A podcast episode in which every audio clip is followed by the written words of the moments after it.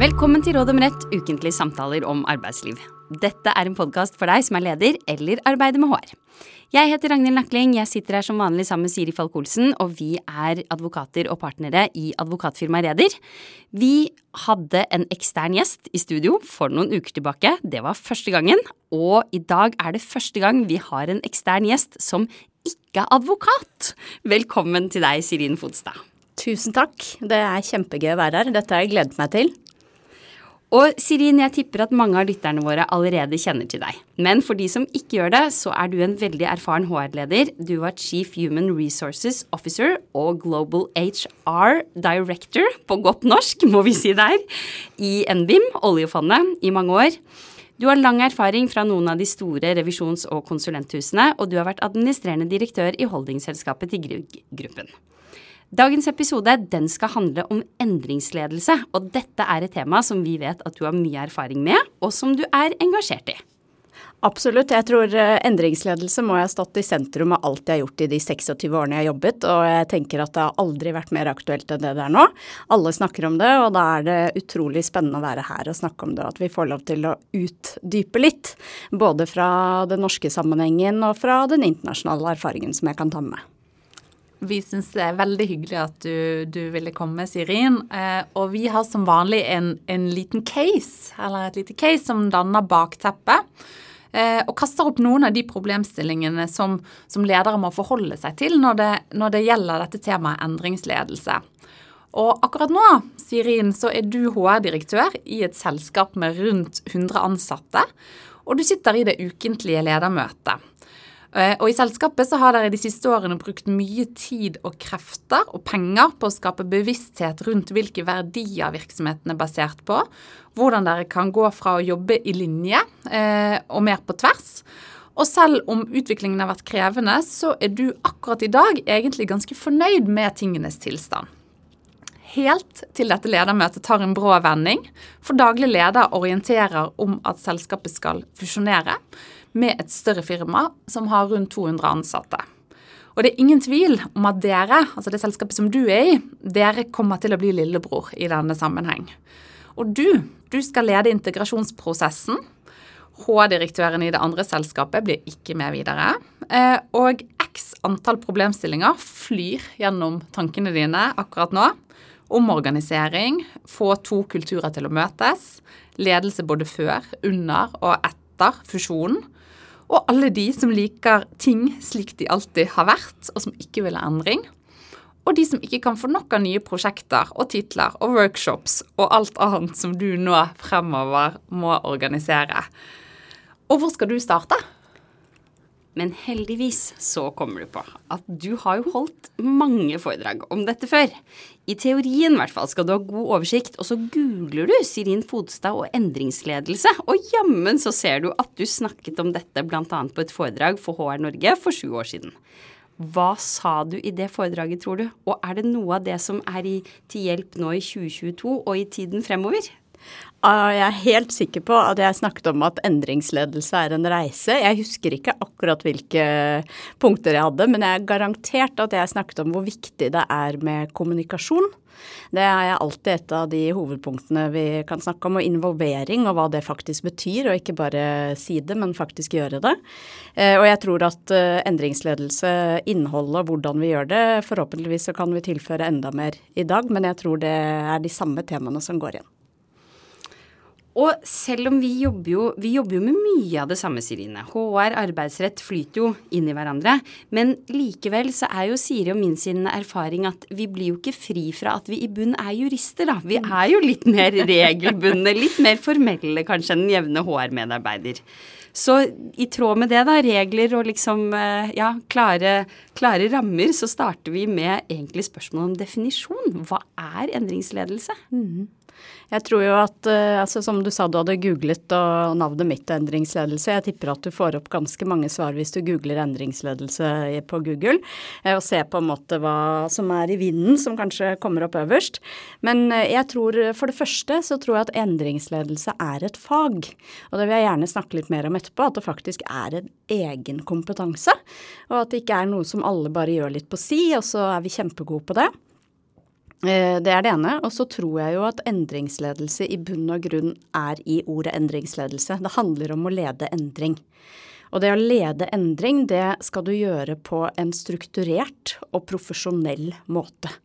Og inni der er det jo veldig mange, mange, elementer på hvordan du skal gjøre det, som vi kan snakke litt om. Eh, men jeg tror det at du har en strukturert tilnærming til at det faktisk er en oppgave du skal løse. Eh, og for min del, som har jobbet med mennesker i alle år, er jo menneskene i høysetet. Det er jo ofte at endringen kommer på bakgrunn av andre ting enn faktisk menneskene, at det er mer en konsekvens.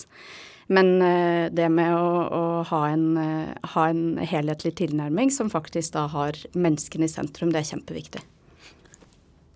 Og det er jo litt interessant det du sier der som en start med at eh, for deg så er dette med endringsledelse et fag. For det er jo en del som kanskje mer tar til orde for at ja, men ledelse, endring? Er det ikke sånn at man uansett som organisasjon eller virksomhet endrer seg løpende? Mm. Kan ikke du si litt mer om det? Hvorfor så du sier at dette, her, dette er noe mer enn det? Ja, og jeg tror jo at vi har, eh, vi har jo en tendens til noen ganger å tenke at vi har noen støttefunksjoner f.eks. i en organisasjon som eh, kanskje har kommet fram litt, eh, litt sånn over tid. Så økonomi og finans har alltid vært der. Legal har på en måte vært der. Compliance har kanskje vært der. HR har jo kommet over tid. Eh, og endringsledelse er per definisjon i dag veldig sjelden en egen eh, på en måte funksjon i et selskap. Og det jeg tenker med at det er et fag, er at du, hvis du ser til det store utland, da, som jeg har vært så heldig å bo i rundt 17 år av min, eh, mine levedager, så er det helt klart at der har de kommet lenger, spesielt hvis jeg kan henvise litt til England og Sentral-Europa og USA, med dette at faktisk endringsledelse er et eget team. Det er en egen funksjon. Du ansetter folk til å jobbe med endringsledelse og anerkjenner at det er noe man skal øve seg på og være god på, og ikke nødvendigvis bare ha som en del av lederoppgaven. Jeg vil jo bare tilføye akkurat det der med lederoppgaven. Tenk på lederen i dag. Eh, jeg tar meg selv i beregnet, og alle oss som jobber med, med team og ledelse den lederoppgaven blir jo bare større og større. Og så har vi på en måte bakt inn alt av økonomi og litt HR, og så har vi litt bærekraft slenger vi på, og så har vi litt eh, endringsledelse kan vi ta med, og litt digitalisering, og ikke sant. Du skal på en måte gjøre alt. Stakkars lederne. ja, nemlig. Så det er også litt det der at uh, hvis man anerkjenner at dette også er en jobb, som ikke nødvendigvis bare kommer på toppen av andre ting, men et eget fag da, som du skal ha plass til, så tror jeg at det er en veldig god begynnelse. Mm. Og når nå denne HR-direktøren skal begynne, da, ja. i denne situasjonen hun er i, så kommer endringen utenfra. Mm. Eh, mens andre ganger så kan det være at man selv igangsetter en endring. Mm. Før vi går inn og ser på hva må hun gjøre, mm. er, er, det noe er det noe forskjell, tenker du, på endringer som kommer utenfra, og endringer du selv initierer? Hva, mm. hva tenker du er de største ulikhetene? Om ja. noen? Ja, altså Først så må jeg jo si at vi må jo ha et, en podkast på mangfold og inkludering. Tenk hvis det er en han da, Ragnhild! kan vi ikke ønske oss det? Jeg har bare en følelse at vi leste hun ja, sier sånn og sånn. Nemlig, og det er helt riktig. Og vi har jo, vi har jo vært heldige i HR-faget nå faktisk eh, få inn flere menn, da. Det må jeg si, bare sånn on, on a side note. For det er jo et veldig typisk eh, kvinnefagfelt. Kvinne Men ja, det der med å, å, initiere selv denne overraskelsen som du får fra daglig leder eller fra styret eller fra aksjonærene eller noe, der har jeg jo absolutt vært. Og jeg tror at det som er fordelen med at du starter selv, er jo at du har mye bedre tid til å forberede deg. Og på en måte bli vant til den tanken om både å skjønne hvorfor, og du vil det jo kanskje selv fordi du har kanskje initiert det, eller om du ikke har eh, villet det, så har du skjønt at det er det du må. Og da har du på en måte sluppet litt av den overraskelseseffekten. Det jeg tror ofte skjer, det er når du sitter der som HR-direktør, og så får du, eller HR-leder, om du er for én eller fem eller hundre eller tusenvis, det er faktisk samme følelser. Du skal gjennom en egen endring bare på å forstå at oi, nå skjer det en endring. Så det er deg personlig som plutselig tenker sånn å, egentlig skulle jeg reise på hytta i morgen, men kanskje jeg må gjøre noe annet. Og så skal du på en måte tenke på alt du skal gjøre. Og den overraskelsen og liksom evnen og muligheten til å håndtere det er jo litt annerledes når du kan gjøre det i litt bedre tid, da. Og ja, hvis vi forsøker å gå litt litt konkret inn i caset. Og, og, så er jo det lite informasjon, og du skal svare konkret basert på det. Men hvis du kan si noe om en sånn situasjon som denne HR-direktøren nå står i, som skal lede mm. eh, prosessen ved at ett en virksomhet, eller to virksomheter skal bli til én. Ja. Hvor skal denne personen begynne? begynne? Ja, og det jeg tror det er Begynn med å puste med magen, sier jeg. Jeg tror det absolutt viktigste du gjør, det er Jeg er veldig tilhenger av dette med oksygenmaske. Jeg tror at når du får en sånn uh, beskjed, så går alle de tankene som du refererte til i introen i caset, gjennom hodet. Alle konsekvensene og hvem det skal berøre, og hvordan du skal håndtere det, og hvordan skal jeg få det til. Eh, når du har gjort det mange ganger, så er det enklere kanskje å puste med maven. Du vet at uh, dette jeg gjort før, så dette kan jeg klare igjen. Men jeg tror akkurat den omtrent den Eh, den eh, veien som du går fra det møterommet tilbake til pulten din, den føles ganske lang. Og hvem kan du snakke med nå? Og er du egentlig på en måte alene i dette? For nå har du gått ut derfra med et kjempeansvar, og så skal du begynne å løse oppgaven. Eh, jeg vil si at hvis jeg skal Jeg har tre punkter som jeg tror det er viktig at man på en måte gjør i en viss rekkefølge. Jeg tror, i min erfaring, så er dette med endring og initiert endring, og i denne situasjonen med mye organisasjonsendring, noe som kommer til å ta lengre tid og koste mer penger og være mer komplekst enn det du tror. Det er liksom å bygge hjemme eller bygge, bygge nytt hus eller gjøre oppussingsprosjekt. Det koster alltid litt mer, eh, og det tar alltid litt lengre tid, og du trenger litt mer eh, ressurser. Eh, det første jeg ville gjort eh, i en sånn situasjon, er faktisk å rekke opp hånden og gå til sjefen min, altså hvem det nå er som sitter som beslutningstaker, og be om to ting. Og det er eh, et mandat. Altså ikke, du får ikke noe skriftlig, og du får, det er du som må lage oppgavene, men få lov til å ta beslutninger underveis. Få på en måte litt sånn go på at her kommer det til å være veldig mye vi må ta beslutninger om. Og jeg trenger å vite at jeg har backing for at jeg får lov til det. Nummer én. Nummer to, jeg trenger, kommer til å trenge ressurser. Og jeg tror det første du burde gjøre da, er å se på, ikke sant. Eh, skaffe deg det, tids, skaffe deg det rommet, da. Puste med maven, eh, gå til sjefen din og si nå først må jeg skaffe meg eh, litt rom. Og det rommet betyr egentlig at du kan kjøpe inn ressurser, få litt mer støtte, kanskje gi dine oppgaver til noen andre osv. Um, og den feilen har jeg gjort mange ganger, at jeg går ut selv og så tenker jeg dette må jeg jo klare å løse. ikke sant? Dette ordner vi liksom, go, go. Og så tenker du at du hadde allerede en jobb. Du skulle ikke bare lede denne fusjonen, du skulle gjøre en vanlig day-to-day-jobb uh, og alle andre ting. Og jeg var jo ganske fornøyd, som du sa, Siri, at det var uh, egentlig en Jeg hadde egentlig kontroll på oppgavene. så det første jeg ville gjort, er, er det. og så nummer to, så ville jeg Eh, begynt å lage en, en eller annen form for plan. Og det er så lett å si 'lag en plan'. Og den planen, den handler egentlig om de store trådene som du uh, skal se på for alle de tingene som begynte å rase gjennom hodet ditt. Hva er liksom de store? Jeg pleier å ta et A3-ark, og det er liksom så enkelt som det er så vanskelig. At du lager noen sirkler, og så skriver du ok, kommunikasjon, det vet jeg vi må holde på med. Mm. Uh, hvis du har fagforeninger, så vet jeg at vi må deale med fagforeningene og drøftinger og masse ting som skjer der. Uh, jeg vet det blir omorganisering. Kan det være en boks? En boks, en runding, whatever, works for you, men noe med å kategorisere de store områdene. Eh, jeg vet jo at eh, i HR så blir vi ofte beskyldt for å ikke være strategiske nok. Eh, og det å kunne løfte blikket Dette er en mulighet for HR til å løfte blikket. fordi hvis du klarer å si at jo, vi har disse fem-ti områdene vi må håndtere, uten å begynne å gå ned i grøten på hvert eneste område Ja, vi har 15 stykker som vi må si opp, og derfor så må vi begynne med å, å, å drøfte det, på en måte. Eh, så tror jeg du har kommet langt i å kunne gi din leder og, og organisasjonen den strategiske støtten du trenger. Så det var nummer to eh, rundt dette å begynne å lage en plan. Og nummer tre er at du må begynne å kommunisere. Ikke med en gang nå til hele organisasjonen, men kanskje det er de i teamet ditt. Hvem skal hjelpe deg? Du må jo dele dette med noen. Du kan ikke gå inn og sette deg på et mørkt rom kanskje du vil det. Og kanskje det er litt sånn at du trenger litt alenetid, men du må begynne å kommunisere og begynne å lage en plan for kommunikasjon. Snakk gjerne mer om det etterpå. Mm. Veldig, veldig nyttig, Sirin. Og jeg tenker at for de som dette tipset med ta først på din egen maske, mm. er jo veldig relevant. Fordi det er bare da man kan få satt seg ned med det A3-arket eller ja. annet. Og om man er jurist og lager bokser eller jobber med HR og lager sirkler, det er jo mm. selvfølgelig en veldig forenkling. Men så er det uansett dette med å legge den planen. Men du var litt inne på Eh, vi kan komme tilbake til bl.a. kommunikasjon, som du snakket om. Men en av tingene som jeg lurte på, som kanskje hadde gått i hodet ditt, som har gjort mye av dette flere ganger. Og som mm. du sier, det er litt som hvis du skal pusse opp badet hjemme, og du får beskjed om at ja, dette koster X, så vet vi kanskje alle dessverre også har smertelig erfaring, og at man må legge på litt der.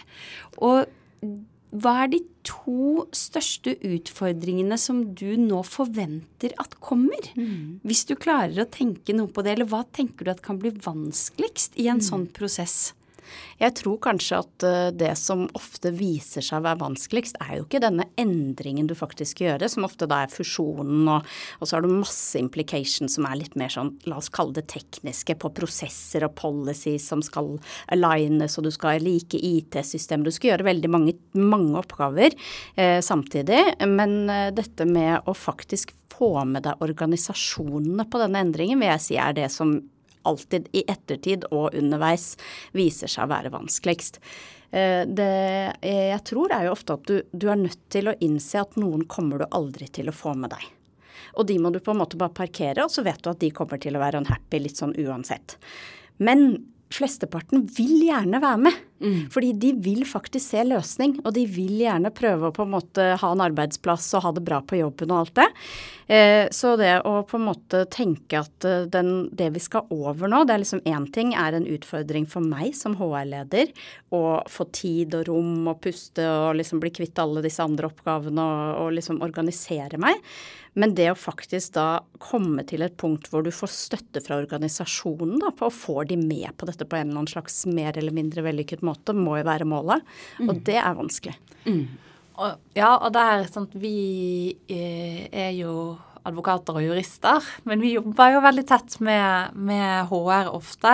Eh, og dette syns jeg er et veldig interessant tema, og jeg har lest litt om det, dette med ulike mennesketyper. Man har også erfart det som, som, eh, som arbeidsrettsadvokat. Eh, kan du si litt mer om hvordan du håndterer det i en mm. sånn prosess? Og du som har gjort dette mange ganger. Ja. Og så er det sikkert en forenkling å kalle det for de konservative, eller de som hele tiden vil ha nye ting og aldri mm. slår seg til ro. Men har du noen, noen råd rundt det? Mm. Ja, og jeg tror, jeg tror, jo at jeg, da jeg bodde i London, og dette var på 2000-tallet, så, så, husker jeg leste noe som gjorde inntrykk på, på meg, som var fra et sånn Leadership Council, som ga ut veldig mye sånn faglig råd. Og de sa noe om at hvis du går gjennom en stor endring eh, rundt f.eks. Ledere, ledere eller eh, altså i all mulig type endring, så er det rundt 60% som kommer til å klare det på en eller annen måte. Så hvis du holder de i hånden og på en måte gir de verktøy og viser de veien videre, så, så ønsker de og klarer de det. Og så har du en viss prosent som bare aldri kommer til å klare det. Og hvordan skal du på en måte både identifisere hvem det er, og stort sett vet alle hvem det er. De vet det selv. De som jobber med de vet det. Og jeg tror det er på en måte litt sånn at man må eh, anerkjenne at man har veldig ulike målgrupper. Og hvis man klarer å definere Jeg er veldig tilhenger av sånn worst case scenario. Alltid, vet du. Det går aldri så dårlig som i worst case scenario. Så hvis du er prepared for worst case scenario, så er du alltid Uh, alltid beredt. Vi går rett inn i speideren. Og jeg tror at uh, det å, å, planlegge for at veldig mange er i den boksen, da, uh, at de ikke vil, og så tenke på at kanskje vi skal prøve å bruke litt mindre tid på de, fordi vi vet de kommer, og vi vet det kommer til å være der, og vi må dedikere noe ressursbruk til det, for det tar alltid veldig mye mer ressurser enn det vi har lyst til å bruke på det. Men samtidig prøve å konsentrere oss om de som faktisk skal være med på denne endringen, og, og som skal hjelpe organisasjonen videre. Mm. Um, så og som sagt så er jo Siri og jeg jobber jo mye tett med HR, og noen av de mer sånn juridiske stikkordene, som selvfølgelig aldri da er tanken at man skal stå på en eller annen scene og snakke om til disse ansatte, men noe som ligger bak her, er jo f.eks. Ja. dette med arbeidstakeres resignasjonsplikt, som rett og slett bare er at du som arbeidstaker må akseptere veldig, veldig veldig mye av det som skjer på jobben, og av det som arbeidsgiver beslutter, som jo tilligger styringsretten til arbeidsgiver å si at nei, men nå har vi besluttet at vi skal fusjonere. Men så er det jo, som jeg sier, selvfølgelig ikke det man sier først. At du, husk at vi bestemmer over deg, da. Du Ja. må bare gjøre Ja, dette. Det er litt måten, måten man sier det på. Det er akkurat Ja. det. Men det er jo noe av det juridiske, på en måte, selv om vi ikke snakker så mye om direkte juss i dag, så er det jo noe av de juridiske elementene som ligger under, da. Mm. Men en annen ting som jeg tenkte på knyttet til, ikke sant, vi har vært gjennom noe av det som du tenker at er mest sentralt å få gjort med en gang. Mm. Vi har vært innom noen av de ulike gruppene du skal forholde deg til, og det var jo egentlig beroligende å høre at det i hvert fall var 60 Mm. Ja, da. den er ganske Som, ja, den er ganske høy, som faktisk er med og bare ok, Ja. Mm. dette funker. Men noe vi har lurt på er når ringer du oss? Mm. Ikke sant? Når har du behov for advokatene? Er det vanligvis for deg først helt på slutten, hvor kanskje noen må sies opp og det Mm. er drøftelsesmøter? Eller benytter du det noen ganger i denne oppstartsfasen hvor du er nå? Kan du si litt om din erfaring Ja. der? Jeg er jo supertydelig på det der, at eh, jo, jo raskere du får hjelp, og da er hjelp på en måte kommer i litt ulike varianter, men eh, arbeidsrett eh, er helt essensielt i en sånn fusjonsprosess. Og jo raskere du skjønner hvilke parametere du jobber under, så hvis jeg går litt tilbake til det jeg sa i sted, at eh, det, noe av det første du skal gjøre er å spørre om et budsjett for å få lov til å kjøpe deg tjenester. For dette er en, eh, det er noe, en helt annen situasjon. Dette er ikke business as usual, så du skal ikke ha ditt eget budsjett som du har vanligvis. Nei, en sånn type fusjon koster masse penger på business-siden, og på menneskesiden er du nødt til å også på en måte ta den konsekvensen. Jeg er eh, tilhenger av å vise hvilken risiko du faktisk løper. Jeg tror det er veldig mye empirisk data der ute som støtter eh, eh, endringer mislykkes fordi at du ikke har eh, tatt hånd om menneskene på en god måte, og du klarer ikke å levere businessen og den eh, fusjonen. Så det å tenke en sånn slags risikomatrise, hvis du tenker alltid at det er risikohåndtering du driver med i HR, veldig ofte, så er det rødt og rødt. Det er på en måte høyt på sannsynlighetsskalaen at dette kommer til å gå dårlig hvis du ikke håndterer det på en god måte, og det er veldig stor sannsynlighet for at dette kommer til å skje. Så det er rødt og rødt, og dermed kan du få på en måte litt mer sånn eh, impact da, bak det, det spørsmålet som at du trenger hjelp, og her trenger du faglig hjelp, og en av de faglige områdene du kommer til å trenge, er rundt det juridiske. Eh, jeg tror også det kommer jo veldig an på hva slags team du har. Det er klart at hvis du er så heldig at du har en som kan arbeidsrett internt, så er jo dette en av de første personene du må snakke med. Men jeg tror dette også litt tilbake til akkurat det, det vi snakker om nå. Det er sånn først spør om eh, dette er en del av denne ressursplanleggingen, men også når du lager planen din, så er det det der med de store sirklene eller boksene på papiret. Det som er viktig å få med seg da, og dette gjør du litt eh, intuitivt når du har gjort det mange ganger, men jeg tror det er viktig å presisere, det er hvilke rammebetingelser skal du lage den planen i. Er det på en måte én måned, er det tre måneder, eh, er det seks måneder, er det et år? Hvilke begrensninger er det? Og der kommer jo det juridiske veldig ofte inn.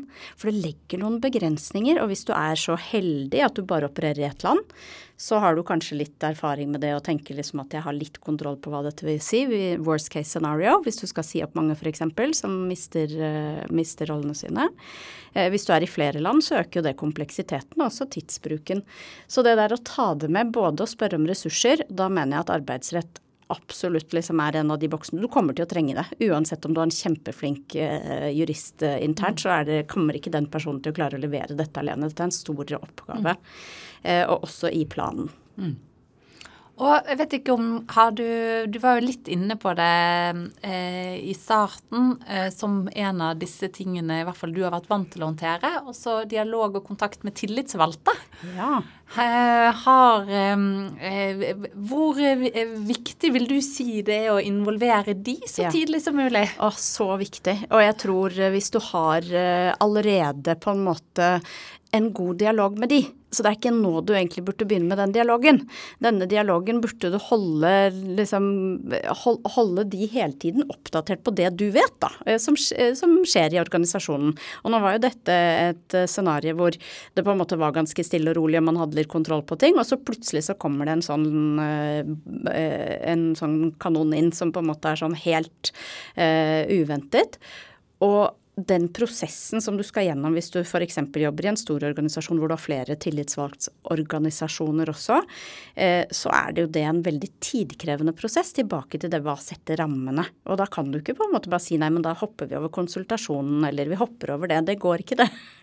Så da, det gir jo deg også litt sånn ammunisjon, da, til å gå tilbake både til ledergruppen og organisasjonen med hvorfor ting tar litt tid, og hva man må gjøre for å gjøre dette på en ordentlig måte. Ja. Og vi er, Siri og jeg sitter og nikker og ja, ja. nikker uten at lytterne våre kan nikke. Og smiler. Ja, og smiler og og vi er, vi er, helt enige, men vi vet jo også at du har jo enten så er det deg, holdt jeg på å si, som HR-direktøren her, eller lederen. Han eller hun er jo kanskje ganske utålmodig, fordi altså nå er det bestemt, nå skal det skje, det skal gjøres. Um, og når man, la oss si at vi har klart å hoppe litt frem da, til at fusjonen i hvert fall nesten har funnet sted, mm. så er det jo ganske stor sjanse, tenker i hvert fall vi, for at veldig mange må, vil få nye roller. Ja. Et av de juridiske um, på en måte aspektene der, som du skal slippe å si så mye om, Siri, men mer i praksis, er jo dette med endringsoppsigelse. Ja. For det kan jo fort komme noen, eller mm. mange, som vil si at vet du hva, disse nye arbeidsoppgavene jeg skal gjøre nå, det gjør at jobben min er endret. Mm. Jeg har mm. fått en ny stilling. Um, og da er man på en måte i sånn, det som kaller, kan kalles uh, endringsoppsigelse. Mm. Og da vet jeg ikke hva slags erfaring du har gjort deg. Du har jo sikkert gjort deg mange, da, men, men hvordan man håndterer du mye av dette eh, løpende med liksom og blir enig med den enkelte arbeidstakeren? Mm. Ser man store grupper under ett? Eller er det kanskje ikke mulig å si noe om det, fordi man kan jo fusjonere alt fra et selskap med 50 til 5000? Mm. Men om du kan drodle litt ja. rundt det? Jeg tror jo at eh, det er veldig nyttig å se, eh, se grupperinger. Mm. Fordi at det er mye på en måte som, eh, som, vil påvirke disse målgruppene som vi snakket om tidligere. Og folk er veldig ulike. Så folk som kommer i en sånn situasjon hvor de får en endringsoppsigelse, eller du vet at denne stillingen kommer til å endre seg, den, de, de, er jo Noen er kanskje glad for det. Kanskje de egentlig ikke er så fornøyd med hvor tingenes tilstand. Kanskje noen ser muligheten til at her kan jeg få en sluttpakke. Sånn nå skal jeg i hvert fall liksom eh, Nå skal jeg smi mens jernet er varmt. Eh, og hadde kanskje tenkt seg å flytte uansett. Og så har du jo på en måte de som absolutt ikke vil, som du snakket om. Eh, og noe av det jeg har lært rundt, som bringer oss litt mer inn på det på kommunikasjon, da, men akkurat rundt vær ærlig så ærlig du kan, fordi at folk er faktisk veldig oppegående. Så det er ikke sånn at de sitter og tenker sånn Nei, men det kommer jo ingen til å bli sagt opp her, for de har jo ikke snakket om det. Så da skjer jo ikke det. Jo da, det er det første de tenker. Jeg skal love deg at alle, inkludert deg selv som HR-ansvarlig, idet du får denne opplysningen, da, eller beskjeden om at dette skal skje, så tenker du å, hva kommer til å skje med meg nå? Jo, jeg må endre arbeidsoppgavene mine, og alt dette kommer til å skje. Du er kanskje ikke redd for å miste jobben, men veldig mange kommer til å tenke hvordan skal skal dette påvirke meg? Og lederne som skal lede denne endringen og hjelpe på en måte altså ledelsen som skal gjøre det på mellomledernivå og toppnivå, de sitter også og tenker hvordan påvirker dette meg? Eh, så det er noe med den ærligheten i kommunikasjonen eh, når du går ut. Og jeg har tre tommelfingerregler, eller tre ting som jeg prøver å tenke på da når du skal, skal kommunisere ut. Det er si hva du vet. Si de tingene du vet. Vi vet at denne fusjonen skjer. Vi vet at det kommer til å påvirke folk. Vi vet at det er en del av organisasjonen som kanskje blir overflødig. Det vet vi nå, og dette er de store malerstrøkene, så du går liksom ikke på bekostning av enkeltindividet. Og du må si noe om det, fordi alle skjønner at det skjer. Jo mer du tør å si det, og stå på scenen og faktisk si at jo, vi tror dette kommer til å skje. Dette er det, de tingene vi vet. Og så er det punkt nummer to, eller kommunikasjon nummer to. Det er dette tror vi kommer til å skje, men vi vet ikke noen ting, og dette må vi på en måte finne ut av. Så kan hende det er, eh, er påvirkning på antall eh, personer vi skal ha ansatt, eller kan hende at dette Og dette skal vi finne ut av. Så på en måte differensiere mellom det du vet, og det er jo ikke så veldig mye da i begynnelsen, og det du vet at du må finne ut av. Og dette skal vi finne ut av. Det kommer til å ta tid. Kjøp deg tid. Alltid uh, si at det tar lengre tid enn det du tror. Fordi om du sier det tar, dette kommer til å ta tre til seks måneder, hvis du bare tar et uh, tidsrom, og det tar to, ja ja, jippi, det tar ikke to. Det tar mer seks til tolv, eh, i hvert fall. Så jeg tenker at kjøp deg tid og si dette kommer til å ta tid på nummer to. Eh, og nummer tre er disse tingene vet vi ikke, og vi kommer sannsynligvis ikke til å finne ut av det heller. Det er masse usikkerhet der ute. altså Alt fra makrobilder rundt renter og businessen og der i den, den verden vi lever i og krig og, og alle mulige ting som skjer som vi absolutt ikke har kontroll på, men også i det på en måte litt mindre bildet rundt denne organisasjonen da, som skal uh, fusjoneres. Vi vet ikke hvordan det blir. Vi vet ikke hvordan den nye kulturen blir. Vi kommer ikke til å finne ut av dette på liksom nå disse månedene. Det er ikke de tingene vi kan gjøre. Vi kan jobbe med det, men vi kan ikke gi dere svaret på hvordan alt kommer til å se ut. Så si de tingene du ikke vet, og de uh, kommer du ikke til å finne ut av. Da har du styrt forventninger. Og dette er jo ting som jeg tenker at det er jammen ikke relevant bare i endringsledelse. Og for denne HR-direktøren, dette er ledertips som eh, alle, eh, vi som leder i stort eller smått, eh, virkelig kan ta med oss. Ja, og hvis vi nå tenker at vi beveger oss litt gjennom at vi kanskje på et vis ser at denne prosessen er avsluttet, eller i hvert fall eh, at man forhåpentligvis nærmer seg en slutt Dette har jo du erfaring med. Kan du si noe også om kostnader ved en sånn type prosess? For det er jo sånn at eh, endring det har en pris, og da tenker jeg ikke primært eh, økonomisk, men dette med at man også kan risikere å miste viktige personer, personer man vil beholde, fordi at prosessen er krevende. Ja. Eh, er det noe du kan gjøre for å unngå dette, eller mm. tenker du at dette er på en måte noe man bare må ta inn som en del av regnestykket, litt mm. enkelt sagt, ja. når man går i gang med en sånn type prosess? Og i så mm. fall er det noe du tar med eh, lederen din også, da, mm. sånn at man alle er klar over at dette vil være en konsekvens? Mm. Ja, Det er et veldig godt spørsmål, og jeg tror at vi alle har vært i de organisasjonene hvor endring har skjedd, og så er det de flinkeste som slutter. Eh, og det er fordi at eh, ofte, i hvert fall i min erfaring, handler det om at de ikke har eh, sett en løsning for seg selv. De blir ikke ivaretatt godt nok fordi man bruker veldig mye tid på de som kanskje du egentlig ikke kan løse. Og det, sånn er det jo. Det er litt sånn at negativiteten trekker deg liksom i den retningen, fordi dem har du et kjempeproblem. Mens de som er flinke flinke og klarer seg selv og er løsningsorienterte, og de klarer seg liksom selv, og de er jo happy go lucky, og de er jo egentlig glad for denne endringen, så de trenger vi ikke å bruke så mye tid på. Mitt råd er bruk mest tid på de. Bruk mest tid på de du absolutt vil beholde, og prøv å og ikke Det er ikke jeg sier du ikke skal bruke tid på det andre, for det må du, men kanskje du kan finne noen andre til å bruke den tiden. Og så bruker du din tid på de menneskene hvor du tenker sånn, vet du hva, her ser jeg at vi kommer til å miste topptalent. Det er en pris, som du sier, og den er høy. Og jeg tror jo at uh, uansett så kommer du til å miste noen, fordi det er noen som ikke er happy in the new world.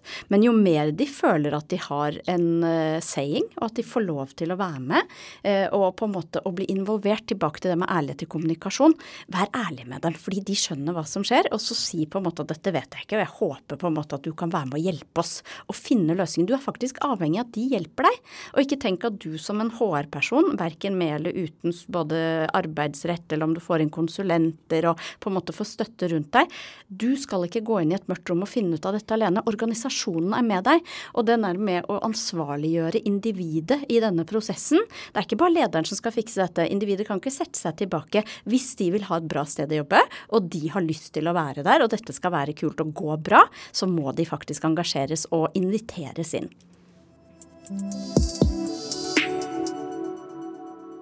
Så pleier vi å avslutte denne podkasten med tre råd, eller tre oppsummerende punkter. Der har jo du egentlig nesten kommet opp i forkjøpet også i forkjøpet, Sirin. Men hvis du kan gjenta de kort, så tar vi gjerne med det til slutten. Jeg tror jo at eh, når du står i en sånn eh, litt akutt situasjon, da, hvor du har fått en, eh, en, informasjon som er veldig ny, så tenker jeg det med å ta på seg oksygenmasken, det er kjempeviktig. Det mener jeg. Det høres så enkelt ut, men det er så vanskelig å gjøre. For du begynner å tenke løsninger, og du skal gjøre ting, og begynner å løpe rundt og skal snakke med folk og holde på å styre. Men eh, ta den pust med maven, og skaff deg det mandatet du trenger. Du vet ikke hva det er, men du vet at det kommer til å bety at du må ta beslutninger, og du trenger penger. Så først skaff deg mandat. Nummer to, lag en plan uansett hvor overordnet den er, så bare lag noen bokser, og så for hver ting du kommer på, sett det som et bullet point inn i den boksen. Å ja, det må jeg huske på. Ja, det er under kommunikasjon. Eller det er under Å, det er fagforeningen. Det er drøfting. Da må jeg liksom sette det der. Sånn at du hele tiden, om du har Post-It på nattbordet, eh, gjør et eller annet som gjør at du kan sette det under en av de hovedgrupperingene. Og dette da, eh, det siste, begynn å kommunisere og lage en plan for hvordan du skal kommunisere, og hva både til de rundt deg og til organisasjonen. Tusen takk. Det var det vi hadde i dag. Og tusen hjertelig takk for at du ville komme til oss i studio, Sirin. Det setter vi veldig stor pris på. Eh, Råd om rett er tilbake med nytt tema og nye tips i neste episode.